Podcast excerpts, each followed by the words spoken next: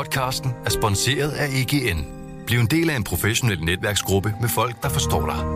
De kan hjælpe og inspirere dig gennem dit arbejdsliv, så du hurtigere finder de gode løsninger. Find dit nye netværk på egn.dk.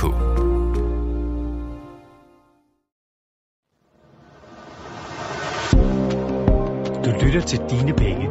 Et program om privatøkonomi, der hjælper dig med overblikket over alt fra dit første boligkøb til aktiemarkedet. Din vært er Stefan Sinkali. Programmet udgives af Berlingske Business og sponsoreres af Nordea. Jeg kan huske en samtale, jeg havde med serieværksætteren Morten Lund for nylig. Det var et par måneder siden, hvor han var i gang med at stable et alternativ til realkreditselskaberne på benene. I den forbindelse har han snakket med en del folk i udlandet, og det han sagde var, at de blev mest overrasket over, at danskerne snakkede så meget om realkreditlån. Snakkede så meget om deres boliglån, og at de lagde det om i tide og utide. Og til tider kan det da også virke som om, at øh, omlægningen af ens boliglån er blevet lidt en folkesport herhjemme. Der bliver i hvert fald snakket rigtig meget om det. Og det gør der jo nok, fordi der er mange penge på spil. For langt de fleste er det nemlig den største post i privatøkonomien. Og med udsigten til, at man skal afdrage over 30 år, så kan selv øh, få 100 kroner hver måned gøre en stor forskel. Mange penge små. Velkommen til Dine Penge. I dag skal det handle om boliglånet. Som sagt, for de fleste en rigtig stor post i privatøkonomien. Til at navigere os rundt i den specifikke del af den privatøkonomiske jungle, har jeg inviteret Lars Krul med ind i studiet. Han er bankforsker og seniorrådgiver ved Aalborg Universitet. Velkommen til, Lars. Tak skal du have. Jamen, lad os starte ved, ved begyndelsen, så at sige. Altså, den første gang, at vejen splitter sig i to for de fleste, er valget mellem det variable lån og det fastforrentede lån. Kan du sætte nogle ord på, hvad, hvad der taler for det ene og for det andet, og nogle gode råd i den forbindelse måske? Ja, det vil jeg godt. Og øh, det kan også godt være, at jeg ender op med at have, hvad skal vi sige, ingen råd. Fordi det er jo faktisk nemmere at så beskrive i en verden her.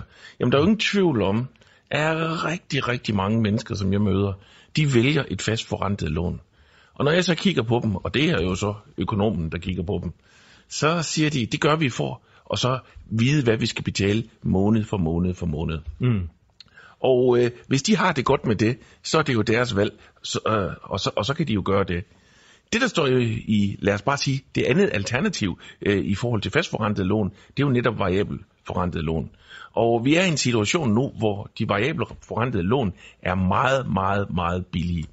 Og øh, så er det klart, at hvis man sidder med et fastforrentet lån, så kan man jo se, af, jeg betaler sørme rigtig, rigtig meget for at så sidde i det her hus. Hvis jeg havde et variabelt forrentet lån, så er det meget, vil det være meget billigere. Og i øvrigt har ens nabo måske mm. et, et uh, variabelt forrentet lån, så hans månedlige udgift, den er meget mindre. Og der vil jeg sige, det her, det handler jo rigtig meget om, hvem man er, hvad man tror på, og hvordan man styrer sin økonomi. Fordi uanset hvordan vi vinder og drejer det, så er det sådan, at hvis man tager et fastforrentet lån, Ja. så har man jo rent faktisk betalt nogen for at tage risikoen på renteudviklingen. Mm. Så man betaler, lad os bare sige det sådan på den her måde, man betaler faktisk en anden mand for at tage risikoen på renteudviklingen. Og det gør man hver eneste måned, og det tager han sig jo betalt for. Øh, tog man derimod et variabelt forrentet lån, jamen så betaler man jo ikke nogen for at tage risikoen for renteudviklingen. Den bærer man så selv. Den tager man så selv. Man nyder så, når det er billigt. Og hvis renten lige pludselig stiger, jamen så må man så til at betale mere. Og når jeg siger lige pludselig, så er det jo ikke noget, der sker fra den ene til den anden dag ved de almindelige variabelt forrentede realkreditlån, for der er jo nogle refinansieringsdatoer, mm. så man får jo et varsel. Min anbefaling, det må være, jamen hvis man tager et variabelt forrentet lån, så bør man kan glæde sig over de lave renter, når de er der. Men lad nu være med at bruge rup og stup. Læg til side, sådan at man har til en mørke dag, altså mm. de dage, hvor det bliver dyrere. Så jeg ender nok ud med at så være en af dem, der siger til alle dem, jeg kender, og, og dem, jeg kender, har som regel god orden i deres økonomi. Mm. Tag da et variabel forrentet lån. Det er billigt for dig, og du finansierer ikke en eller anden, der egentlig tager en risiko for dig.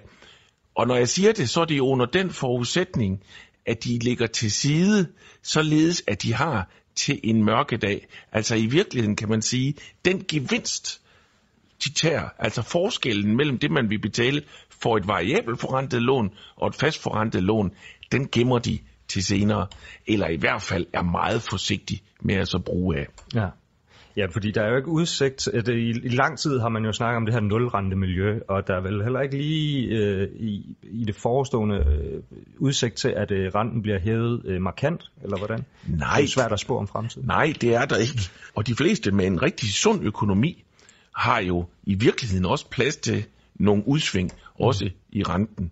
Og vi kan jo også, øh, hvis vi sådan skal se det over det lange snit, så er vi jo også nødt til at sige, ja, men hvis vi nu får rigtig meget inflation i det her samfund, mm. eller mere inflation, jamen så stiger lønningerne nok også.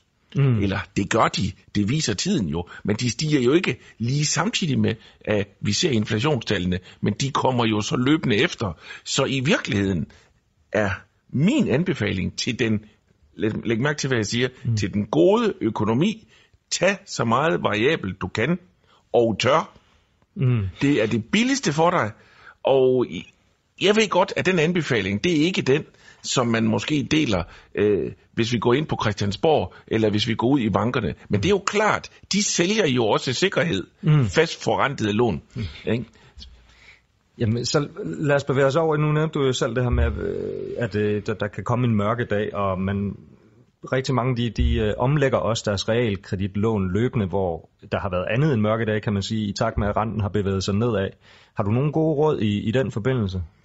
Jamen først og fremmest, så vil jeg da sige, at man omlægger jo oftest for at få en lavere månedlig ydelse hmm. og nyde en lavere rente. Men det er klart, at har man et lån, hvor der er påtrykt en højere rente, og det er jo det, man normalt har, hmm. når man gerne vil omlægge, jamen så koster det og så omlægge, fordi der er jo en investor i den anden side, mm. som jo i en årrække har regnet med, og så få den høje rente, og nu lige pludselig vil man købe her af markedet. Det koster. Så typisk bliver man ikke rigere af at så få et lavere forrentet lån, men man betaler mindre per tidsenhed, altså ens månedlige ydelse bliver lavere. Og det kan jo være meget fornuftigt, hvis man synes, man har tid nok, og det passer til ens økonomi, og så omlægge. Og som du sagde i indledningen, så er det måske ved at blive lidt en folkesport, at man hele tiden jager den laveste månedlige ydelse. Og det kan jo være godt nok, hvis det er det, man vil. Men man skal så også være opmærksom på, som du siger, hver gang man gør det, er det så også forbundet med en, en, en god portion omkostninger til banken eller realkreditinstitut. Ja, dels er der nogle omkostninger, men der er jo også omkostningen til at købe den investor mm. ud, som berettiget havde regnet med, at man ville betale en højere rente i en lang periode, og han skal jo have nogle penge her og nu. Mm. Og det finansierer man jo så med det nye, lavere forrentede lån. Så folk bliver sjældent rigere af at omlægge her og nu. Er der andre omkostninger i forbindelse med det her med at optage og omlægge lån, som du mener, man bør være opmærksom på? Jamen, først og fremmest så vil jeg godt sige, at vi har en finansiel sektor, som opfører sig ordentligt. Mm. Men der er selvfølgelig den omkostning ved kursskæring, når der skal købes og sælges obligationer. Det koster noget. Og så kan der ofte være det, at hvis man nu rent faktisk skal til at skylde mere, mm. når man omlægger, så er der flere af udbyderne, der gerne vil ud og kigge på huset og se, om det rent faktisk er hvad skal vi sige, værdifuldt nok mm. til at så kunne tage den nye gæld. Og det er jo for realkreditsystemet positivt, at de gør det. Og ofte skal man betale for det her, mm. for, de, for de her ydelser, og der er nogle lånesagsgebyrer og sådan nogle ting. Mm. Okay. Og så lige en, en, en afart af det her marked, eller det her emne, det er jo selvfølgelig også de afdragsfrie lån, som der også har været snakket meget om på blandt andet Christiansborg. Øh, I din verden, hvornår giver det så meninger for, for den almindelige forbruger at optage et, et afdragsfrit lån? Jamen her har vi igen en diskussion, ja. fordi du har et hus eller en lejlighed, mm. jeg har et hus eller en lejlighed, og hvis vi ellers passer på fast ejendom, så bliver det sjældent væsentligt mindre værd. Og grunden til, at jeg siger væsentligt mindre, mm. det er jo fordi, vi har lige haft en finanskrise, hvor vi så det to dyk. Men generelt er det relativt stabilt. Og der kan man jo godt sige, uden man er fræk eller noget, sige, hvorfor skal jeg afdrage i netop de mursten, der står derinde, mm. når de sandsynligvis på lang sigt ikke bliver mindre værd, så kunne jeg jo lige så godt, i stedet for at afdrage, spare op til min pension, mm. eller noget helt andet. Ikke? Øh, altså, der kan man sige, kigger vi det internationale konforme, så er de fleste lande For eksempel, hvis vi kigger til England, der er det normalt, man tager det, man kalder et stående lån med en balloon payment til sidst. Altså det betyder, så forfalder hele lånet. Mm. Og det er jo egentlig også det, man kan med et afdragsfri lån. Man refinansierer hele lånet. Så igen her er der noget temperament. Der er jo rigtig mange mennesker, som siger, jamen vi vil gerne, når vi når hen til vores pensionsalder, have betalt vores hus. Mm. Jamen hvis det er det, man vil, og man ellers ikke regner sig selv som en af dem, der kan lægge til side, for at kunne betale det lån ud den dag, mm. det forfalder, jamen så tag dog et, af, et lån med afdrag, som passer til der, hvor man gerne vil være gældsfri. Mm. Ja, for det er vel også et spørgsmål, at man, man er et økonomisk rationelt menneske, og ikke øh, bare bruger løs af de besparelser, man så får ved et afdragsfri. Det er jo min forudsætning. altså, fordi tager man et afdragsfri lån, og så siger, det er ikke det, jeg ellers skulle have afdraget, det bruger jeg på fis og ballade og, og liv, mm. som jo kan være, hvad skal vi sige, her og nu, en god prioritering, men det er ikke det samme, som man så kan blive i huset mm. eller lejligheden, når man en dag, eller når afdragsfriheden den løber ud, eller lånet skal tilbagebetales. Mm. Okay. Og øh, apropos, altså, øh, hvordan kan man så spare penge som forbruger? Altså, er der, er der nogle fejl, som folk oftest begår i øh, deres bestræbelser på at få et øh, realkreditlån, eller finansiere deres bolig i det hele taget? Om folk de begår nogle fejl, mm. altså, jeg vil sige en ting, som jeg lægger mærke til, og du i din indledning, der sagde du, at det var nærmest en folkesport at omlægge. Det er nok min holdning, at man skal passe på med, at man ikke tager, hvis man har lånet, og så omlægger for ofte. Mm. Altså man må ligesom beslutte, hvad er det, jeg vil have, og hvor skal jeg hen, og lade være med at gøre det for tit. Mm. Lige nu, der sidder vi i slutningen af november 2017. Renten er rigtig, rigtig lav. Det er helt klart, at hvis der er nogen, der ikke har omlagt i en tre år, så bør de kigge på det nu, fordi det vil nok kunne give dem en varig lav rente. Men så skal de selvfølgelig ikke omlægge, hvis de virkelig vil tjene til den variable rente nu, så skal de ned og have den faste, mm. så de eventuelt kan få den med sig, når renten stiger igen. Mm. Så for stor aktivitet, og det talte vi om før, ja. man bliver sjældent rigere af omlægning, det skal man nok holde sig fra.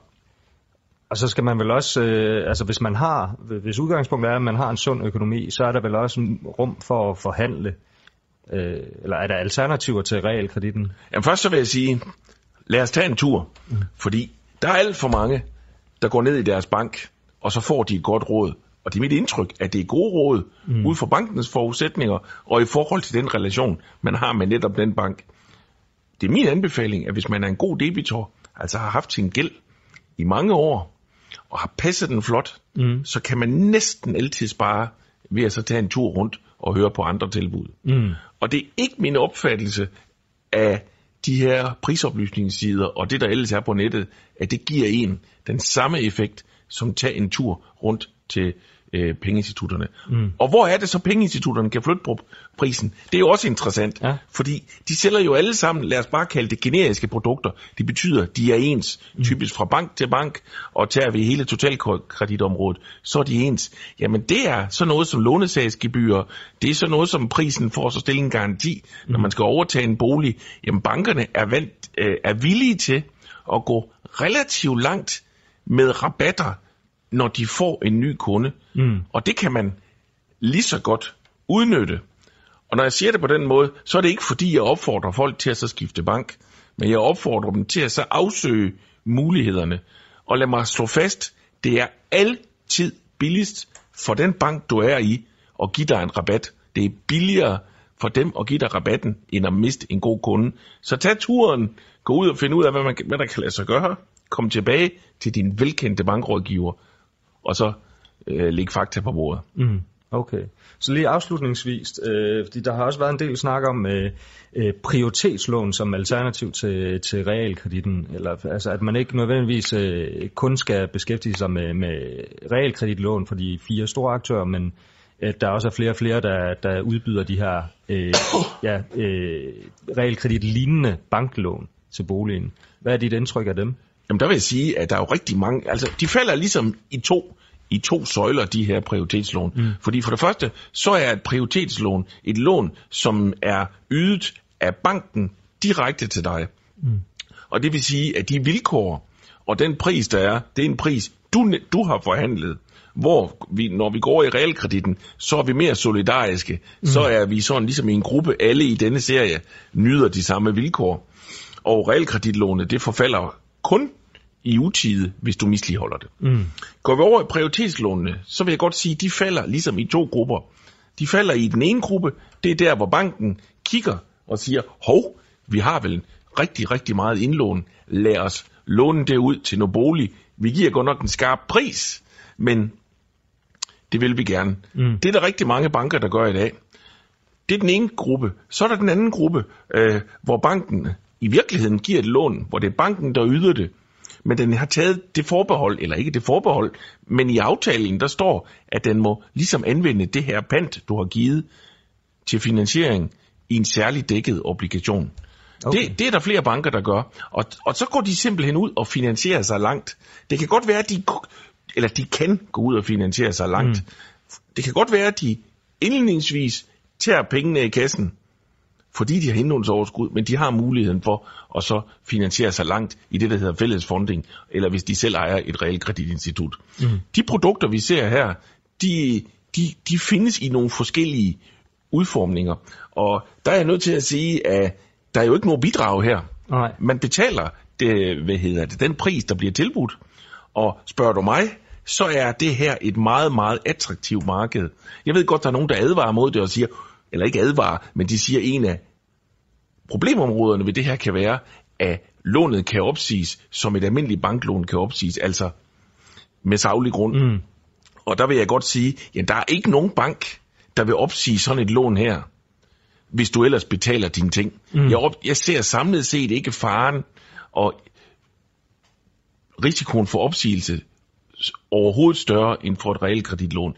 Jeg mener i virkeligheden, det her det bare er snak. Mm. Øh, det er min anbefaling, at når man nu skal ud og kigge på boliglån og omlægning, så tag lige en tur rundt og så se, hvad der er af produkter på markedet mm. øh, i den her kategori også. Fordi er man en god tilbagebetaler, så kan man ofte i samlede omkostninger i virkeligheden slå, og det betyder få billigere mm. øh, lån, fordi at man bliver ikke målt på det her, hvad skal vi sige, seriesolidariske bidrag. Mm. Men det er så en mere individuel tilgang. Det er en individuel tilgang, men, men, men, men, men vi taler jo også om forskellige markeder, mm. og vi har også nogle mennesker, der er interesseret i at få udnyttet netop deres potentiale og den måde, de har drevet deres økonomi. Jamen ved du hvad, Lars? Tusind tak, øh, fordi du vil øh, komme og hjælpe os med at navigere lidt rundt i, øh, i boliglånene i dag. Du skal have tak for din tid i dag. Velkommen. Du lytter til Dine Penge. Programmet er tilrettelagt af Stefan Sinkali og Mia Svendingsen. Masha Wang blev for efterhånden en del år siden en del af de fleste danskeres hverdag på tv-skærmen. Hun deltog i forskellige reality-programmer, hun blev tv-vært, så blev hun radiovært, og så skrev hun også klummer for forskellige medier. Og i 2005 tog hun så springet ud i iværksætteriet. Her stiftede hun nemlig sin egen virksomhed, som var et netværk af blogs. Selv havde hun øh, skrevet på sin egen blog igennem en årrække, og øh, det var indspark i hendes hverdag, tips og tricks og gode råd. Og alt sammen noget, der er ført til sidevisninger i milliontal, som ja, en del danske medier faktisk kunne være misundelige på. Og for nylig, i november, der solgte hun så sin virksomhed til en øh, rival, for at få mere tid til familielivet, som hun sagde. Jeg ringer til hende i dag for at høre, hvad den rejse har givet hende erfaringer på den privatøkonomiske front. Så lad os høre, hvad hun har at sige.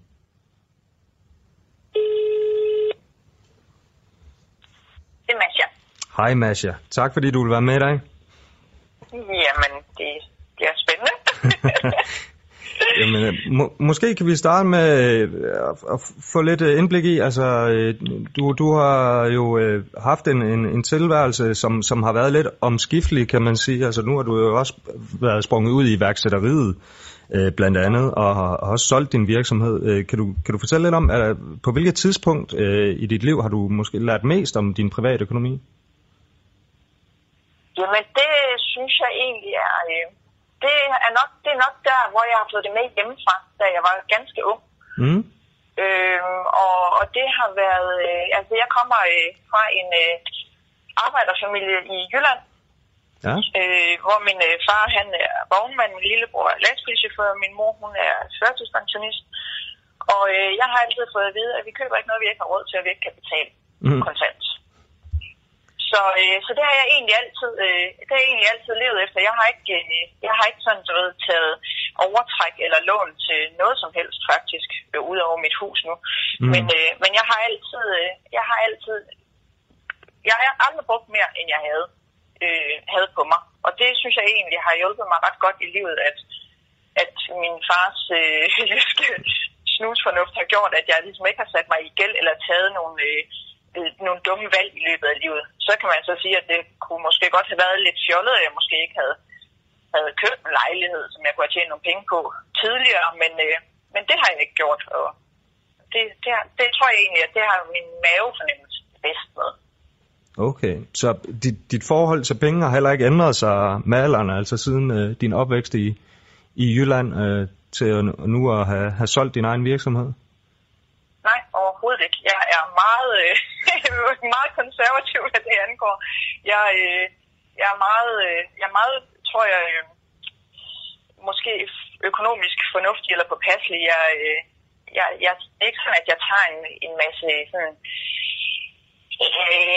jeg, jeg prøver mig sådan frem og tager en masse forskellige sådan, beslutninger, der, der måske kan koste mig for meget. Jeg, jeg gambler ikke rigtig med det. Mm. Det er ikke altid sikkert, at det er det rigtige. Det, det tror jeg man ikke, men, men det har været det rigtige for mig i hvert fald.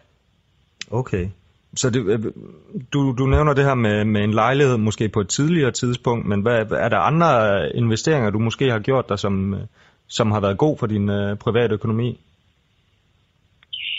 Øh, altså ikke ud over at, at arbejde. Mm. øh, jeg, har, jeg har ikke lavet investeringer på den måde, det har jeg ikke. Nej. Øh, øh, slet ikke. Jeg har ikke, jeg har aldrig købt aktier eller obligationer eller noget som helst. Men du, du har så investeret i din egen virksomhed, kan man vel sige. Både din, din tid og dine ressourcer, og det har vel på sin vis kastet øh, et, et pænt afkast fra sig, øh, af sig, går I ud fra? Jo, jo, men det har det da.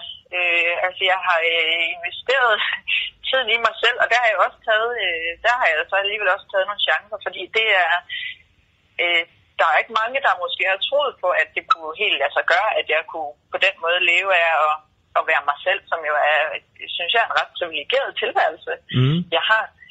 Øhm, men øh, jeg tror stadig helt, min, min, mine forældre synes, det er et rigtigt job.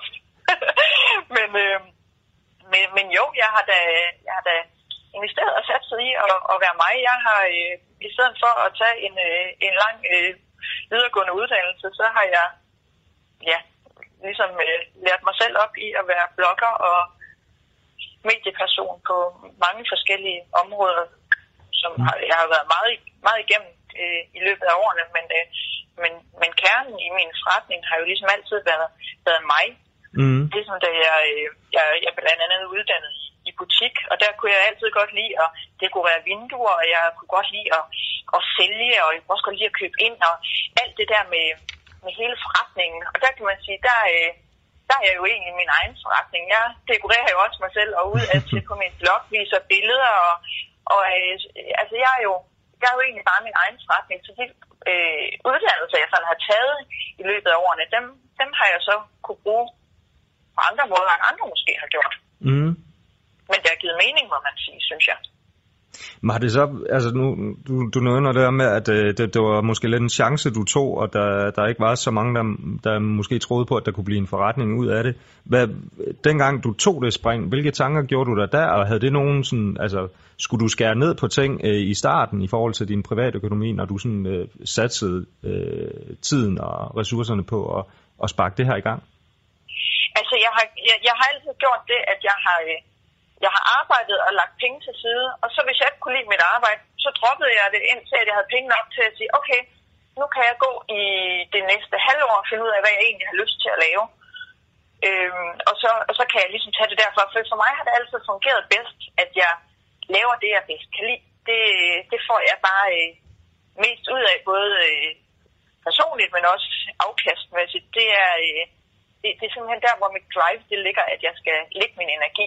Mm. Så, så der har jeg gjort, at altså, jeg har altid sparet op til dårlige tider, så jeg vidste, at jeg ikke skulle gå på arbejde og være, være sur og ked af det.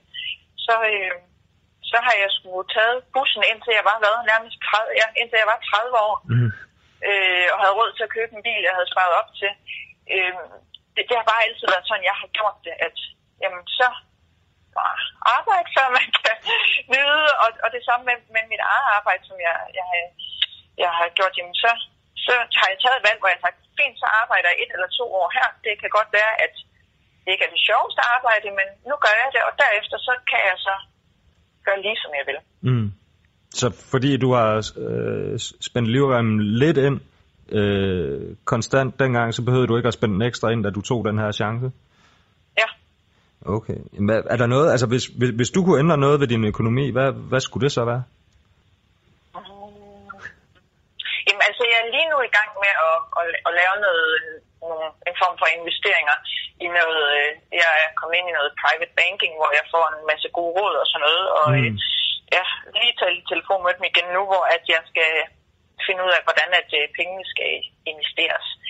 Det har jeg, det har jeg egentlig haft, haft behov for, fordi mm. det, det har jeg ikke. Jeg, der er jeg bare er jeg virkelig, øh, der er jeg nok lidt gammeldags, eller du ved ikke, jysk eller hvad fanden man skal sige. Jeg, mm. jeg, jeg kan bare godt lide at have dem, hvor jeg kan se dem.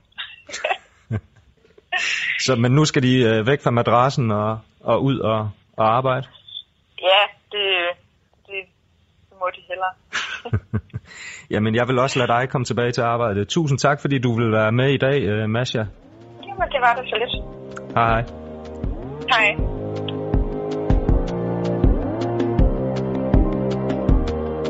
Nu får du eksklusiv adgang til Nordeas eksperter, som giver dig konkrete råd til at gøre rodekuverterne mere overskuelige. Podcast fra Berlingske Business er sponsoreret af Nordea. I dag skal det handle om det boliglån, som de fleste de har i forbindelse med deres boligkøb. Øh, til at gøre os lidt klogere på det, der skal jeg tale med Lise Nytoft Bergmann, som er boligøkonom i Nordea Kredit. Velkommen til dig, Lise. Tak skal du have. Jamen, øh, lad os kaste os ud i det og starte med, øh, hvis man i forbindelse med boliglån gerne vil optage et realkreditlån. Hvad er de gode råd så der? Jamen, man skal først og fremmest gøre sig nogle overvejelser om, om man ønsker et lån med en fast eller variabel rente, og også om det her realkreditlån, det skal være med eller uden afdrag. Det er sådan de store linjer i det. Og hvad er øh, fordele ulemper ved det, du lige nævner der? Jamen altså, hvis man nu tager sådan en variabel lån kontra sådan en fastforrentet lån, øh, så kan det være en lidt svær beslutning, om det skal være det ene eller andet, fordi man kan ikke sige, at den ene låntype er bedre. Der er simpelthen smag og behag, og der afhænger også af den, den enkelte boligejers konkrete situation og, og økonomiske situation. Øh, nogle stiller det lidt op på, om man vil sove godt eller man vil spise godt, øh, afhængig af, om man vælger fast eller variabel rente. Men man kan sige, at overordnet set, så er fordelen ved de variabel forrentede lån, at det er en billig måde at finansiere en bolig på. Øh, man kan sidde med en rigtig lav månedlig ydelse, øh, og det giver jo mulighed for, at man kan skrue op på forbruget på andre områder, eller også at man kan oparbejde noget opsparing. Øh, ulempen det er så, at man ikke kender renten ret lang tid ud i fremtiden, øh, og dermed ikke ved, hvordan budgettet ser ud, når det er, man kommer et år eller tre eller fem år ud i fremtiden, afhængig af, hvor lang rentebinding man har på sit lån. Så er der de fastforrentede lån, de er sådan set lige modsat. Øhm, der kan renten ikke stige, og dermed så har man jo en stor sikkerhed for sit budget. Øh, ulempen, det er så, at månedlig ydelse, i hvert fald i øjeblikket, er højere, end hvis det er, man har at gøre med et, med et variabelt forrentet lån. I øjeblikket så ligger sådan en rente på et fastforrentet lån på 2%, og den variable rente, den er, den er tæt på 0%. Øh, så, så der er altså en, en, en vis renteforskel, men man skal altså også huske på, at sådan en boliglån, det løber i 30 år, og hvis det er, vi kigger 30 år tilbage i tiden, så er der i hvert fald sket rigtig, rigtig meget med renten. Så det lån, der virker billigst nu og her, det kan meget vel vise sig ikke at være det, når det er, man sådan øh, måler på, på, på den lidt længere bane. Øh, og det fastforrentede lån, der har så altså desuden den her ret store fordel, at hvis det er, at renten stiger, så vil kursen på de obligationer, der ligger bag lånet, de vil falde, og det betyder altså så, at man kan indfri det her lån til færre penge, end det man rent faktisk skylder øh, banken. Og det vil man altså ikke kunne på samme måde med et variabelt forrentet lån. Så der er altså nogle fordele og ulemper, og, og hvilket lån, der ender med at blive det bedste, det afhænger selvfølgelig både af, hvordan man har det i maven, med den risiko, man måske har, men, men også af, hvad der kommer til at ske med renten på, på sådan lidt længere sigt. Og det er der jo ikke rigtig nogen, der har svaret på på nuværende tidspunkt. Så det handler også lidt om, hvor, hvor langsigtet man tænker i forhold til sin bolig. Hvor længe man har tænkt sig at sidde med det her boliglån. Ja, og simpelthen også et spørgsmål om, altså, hvor robust er ens egen økonomi. Altså, kan man tåle, at der sker noget med renten, uden at konsekvenserne de, de bliver fatale? Øh, har man ro, hvis der, der sker noget med renten? Hører man til den type, der ligger søvnløs, hvis der man ikke ved, hvordan ydelsen den ser ud til næste år? Eller hører man til den type, der bare tager det, som det kommer, og måske har et, et, et godt rådrum i økonomien, så man altså godt kan tåle at, at, at få en lidt højere rente, uden at der sker noget ved det? Og det er vel noget, man øh, kan gå til sin bankrådgiver og få altså fundet ud af, hvor meget rådrum man egentlig har. Det er lige præcis bankrådgiveren, man skal bruge til det. Man skal tage et rigtig godt overblik over budgettet, og så skal man altså også lige ned og konsultere maven. Det er ikke nok kun at have hjernen med i det her forløb, fordi der er altså rigtig meget af det her med velbefindende omkring boliglån, som der også har at gøre med, hvad er det for en person, man er. Og i øh, forhold til det, der så hedder afdragsfri lån, kan det overhovedet betale sig at få sådan et? Cirka hver anden dansker betaler ikke afdrag på sit lån i dag, så man må sige, at det er nogle populære lån, og det er der altså også en god grund til. Hvis der man for eksempel er førstegangskøber, så er det tit, man har andre dyre lån ved siden af. Så kan det altså være en god idé at gøre realkreditlånet afdragsfrit, og så kan man bruge besparelsen ved ikke at betale afdrag på realkreditlånet til simpelthen at komme hurtigere af med den anden og dyre gæld. Og det kan også være en stor fordel, hvis man er nået et sted i sit liv, hvor det drejer sig om at spare ned, snarere end om at spare op. Øh, så kan man forsøge tilværelsen med øh, at have lidt flere penge til sig selv, og måske bruge lidt flere penge på sine nærmeste, i stedet for at oparbejde en, en endnu større friværdi. Og nu siger du, at der er rigtig mange danskere, der har det her lån. Men er der nogle sådan skjulte øh, omkostninger, som mange måske ikke er klar over? Ja, det er ikke gratis at have et afdragsfrit lån. Altså et, øh, et afdragsfrit lån, det har en højere bidragssats end et lån med afdrag. Øh, og det betyder jo altså, at det, der ryger nogle penge ud af kassen hver eneste år, hvis det er, man vælger at have afdragsfriheden. Så hvis man samtidig hører til de danskere, der har en masse penge stående på en indskudskonto, som der altså er rigtig mange danskere af i øjeblikket, så kan det altså være en god idé at komme i gang med at betale afdrag på lånet, i stedet for blot at, at stå og, og, og samle en masse mønter sammen på, på, på, sparekassebogen i stedet for. Øh, som man skal lige kigge på sin økonomi, og så skal man se på, hvor er man egentlig henne i livet, og hvad er det egentlig, der er bedst for mig i den her sammenhæng. Og så kan man jo også lige bemærke, at selvom man for eksempel allerede har et afdragsfrit lån, og man måske har haft 10 år til at starte med, og der kun er 3 år tilbage, så kan man altså sagtens vælge at gå i gang med at, at betale afdrag allerede nu, i stedet for at, at, at vente 3 år mere.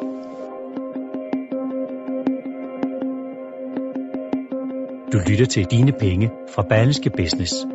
Et program om privatøkonomi der hjælper dig med overblikket over alt fra dit første boligkøb til aktiemarkedet.